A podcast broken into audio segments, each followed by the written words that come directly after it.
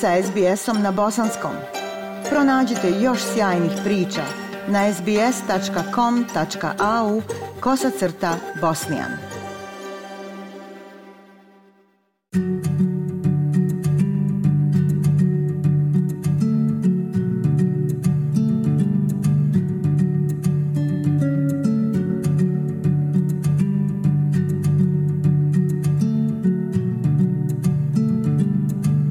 Slušate SBS program na bosanskom. Sumorna prognoza siromašnije, manje produktivne i toplije Australije čini suštinu najnovijeg međugeneracijskog izvještaja. Dokument koji je objavila federalna vlada gleda 40 godina u budućnost, dajući oštro upozorenje o ekonomskim izazovima koji su pred nama. Prilog Anđelike White i Anne Henderson. Australci su dobili sliku o tome kako će zemlja izgledati za četiri decenije objavljivanjem šestog međugeneracijskog izvještaja. Uticaj klimatskih promjena je ključna karakteristika ovogodišnjeg izvještaja i to je mračno štivo. Izvještaj je stigao u vrijeme kako se približava još jedna opasna sezona požara, a dijelovi zemlje se još uvijek oporavljaju od razornih poplava. Blagajnik Jim Chalmers kaže da je izvještaj podsjetnik da nema vremena za gubljenje kada je u pitanju djelovanje na klimatskim promjenama. We can't be complacent about the future and where that complacency could be the most damaging. Ne možemo biti zadovoljni zbog budućnosti, a to samo zadovoljstvo moglo bi biti najštetnije kada je riječ o klimatskim promjenama. Zbog takvog stanja smo potrošili mnogo vremena. Ako se temperatura poveća za više od 2 stepena, šteta po produktivnost rada u Australiji mogla bi biti do 423 milijarde dolara.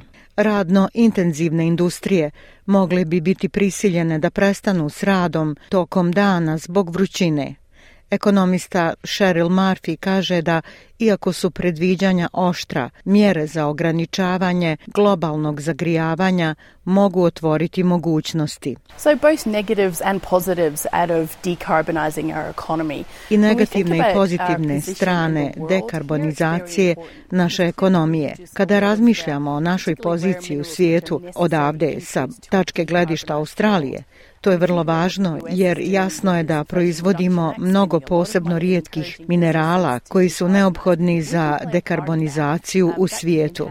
I razmišljamo o tome šta Sjedinjene američke države rade sa smanjenjem inflacije, trošeći mnogo novca i ohrabrujući kompanije da se dekarboniziraju.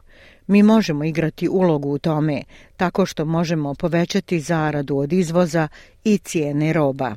Očekuje se da će populacija u Australiji dostići 40 miliona ljudi do ranih 2060-ih, a očekuje se da će se srednja starost popeti sa 38 na 43 godine. Kako nacija stari, porez na dohodak koji plaćaju radnici kolektivno će se smanjivati, što znači veći pritisak na zdravstvene usluge i usluge njege starijih. Ekonomista u Komitetu za ekonomski razvoj Australije, Melissa Wilson, kaže da je planiranje imperativ. So we need to start now having those difficult and open and honest conversations about the challenges that we're facing and what the best way Moramo sada započeti te teške, otvorene i iskrene razgovore o izazovima s kojima se suočavamo i putu naprijed i to bi trebalo staviti sve na sto, uključujući porez na robu i usluge i lični porezki sistem kako bi ostao progresivan. Za mlade Australce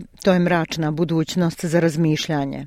Uprko svećem suficitu od predviđenog za prošlu financijsku godinu, međugeneracijski izvještaj predviđa budžetske deficite sve do 2063. godine. Opozicioni blaganik Angus Taylor kaže da bi vlada trebala biti fokusirana na realnost trenutnih troškova života. And the truth of the matter is Australians right now, right across the board, are not focused on 40 years from now. They're focused on getting through the next 40 days or even the next 40 hours. Istina je da uh, Australci upravo sada u cijelosti nisu fokusirani na tih 40 godina u budućnosti.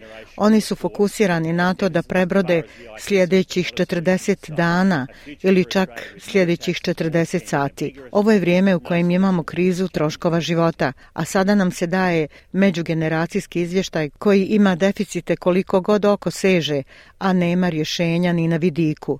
Budućnost Australije sa više poreza, većom potrošnjom i većom Australijom, ali bez rješenja za izazove s kojima se suočavamo.